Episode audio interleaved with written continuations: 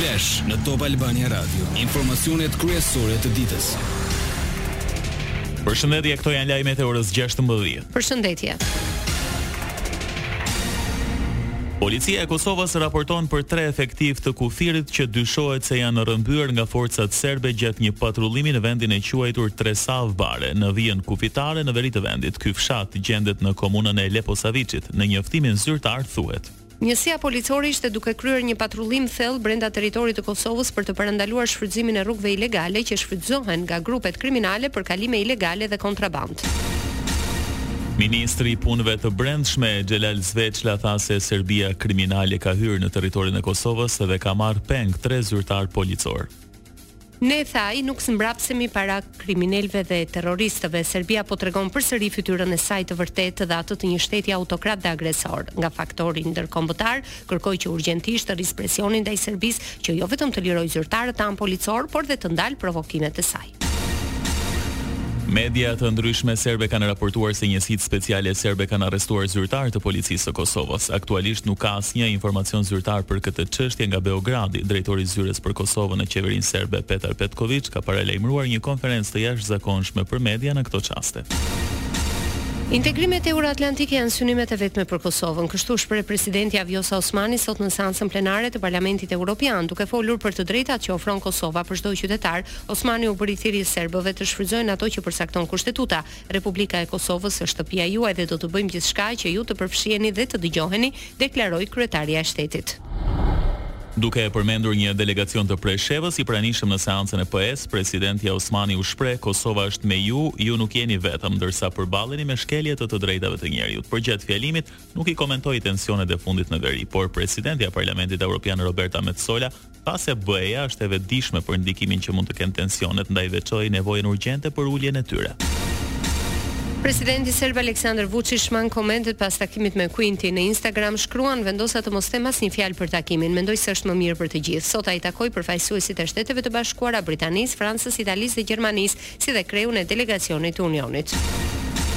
Bashkimi Europian ka përgatitur masa fillestare si sanksione kundër Kosovës për shkak të mospërfilljes së kërkesave për hapa të menjëhershëm nga qeveria për uljen e tensioneve në veri. Ato përfshijnë pezullimin e ftesave për pjesëmarrjen e Kosovës në aktivitetet e nivelit të lartë dhe vizitave dypalëshe, Takime do të ketë vetëm kur duhet të zhvillohen për t'u fokusuar në adresimin e krizës në veri të Kosovës.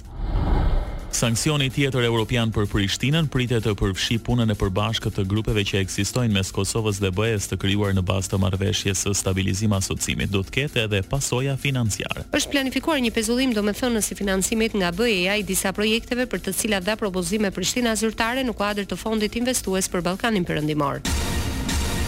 Një ditë më parë u anulua mbledhja e qeverive Shqipëri-Kosovë e planifikuar për sot. Kryeministri Rama tha dje se nuk ishte momenti i duhur për të folur për gjëra të tjera në këto kohë tensionesh të forta në veri e që siç tha Rama Albin Kurti po krijon çarje me aleatët. Ndërkaq për Kurtin mbledhja duhet të ishte mbajtur. Kjo mbledhje është përgatitur muaj më parë dhe me kryeministrin Rama ne Jemi në kontakt dhe takohemi shpesh, mirëpo mbledhjet e dy qeverive janë diçka tjetër. Nuk mund të zëvendësohen mbledhjet e qeverive me takime të kryeministrave për shkak se ne duhej të nënshkruanim trembëdhjetë marrëveshje. I kemi trembëdhjetë marrëveshje me tekst të dakorduar që po na presin në sirtar dhe konsideroj që mosnënshkrimi i tyre sot është gabim dhe çdo ditë që ato nuk janë të nënshkruara e nuk zbatohen, Është dëm për qytetarët tonë.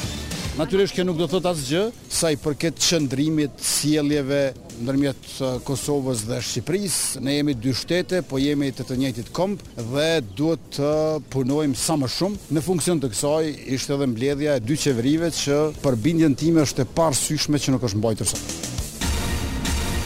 Për anulimin e mbledhjes së qeverive Shqipëri-Kosovë sot reagoi dhe Sali Berisha. Edi Rama anulloi me urdhër nga Beogradi pjesëmarrjen në mbledhjen që ishte parashikuar të mbahej sot me Qeverinë e Kosovës në Gjakovë, me një fjalë, autoritetet e Kosovës refuzuan ndërhyrjen brutale të Edi Ramës në punët e tyre të brendshme. Partia Demokratike e Shqipërisë dënon me forcën më të madhe ndërhyrjen brutale të Edi Ramës në punët e brendshme të Kosovës dhe aktin e tij hakmarrës dhe sherrmbjellës midis dy vendeve fqinj të një kombit në një klimë tashmë të acaruar. Sa i përket sanksioneve për Kosovën, Berisha u shpreh. Partia Demokratike konsideron sanksionet ndaj Kosovës, popullit të së cilës nuk janë mbyllur akoma plagët e barbarive serbe si një akt të pajustifikuar në ligjin ndërkombëtar dhe moralin e vendeve të lira. Ato sanksione do të ishin shpërblimi më i pamerituar për autokratët Rama-Vuçiç që përpiqen të paraqiten si partnerë të besueshëm, por në të vërtetë synojnë ndarjen e Kosovës dhe janë të lidhur kokë e këmbë me një mijë fije. Lajmet në internet në adresën www.topalbaniaradio.com.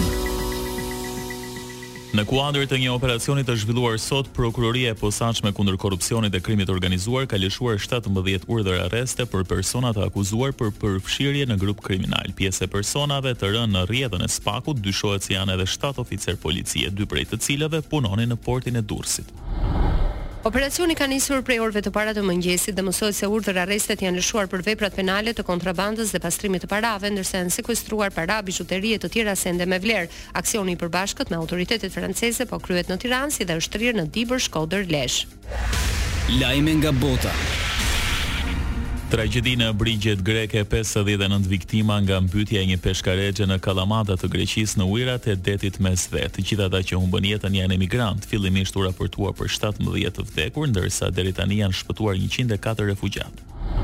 Sipas rojës bregdetare greke, peshkarexha e nisur nga Libia me destinacion Italinë u batua dhe në vazhdim u fundos në ujërat ndërkombëtare që ndajnë Greqinë me Italinë, dyzet e shtatë milje në jug të gadishullit të Peloponezit në zonën më jugore të tij, Pilos. Peshkarexha ishte në kërkim që prej të paktën tre ditësh nga Italia, por edhe nga një shoqatë e emigrantëve.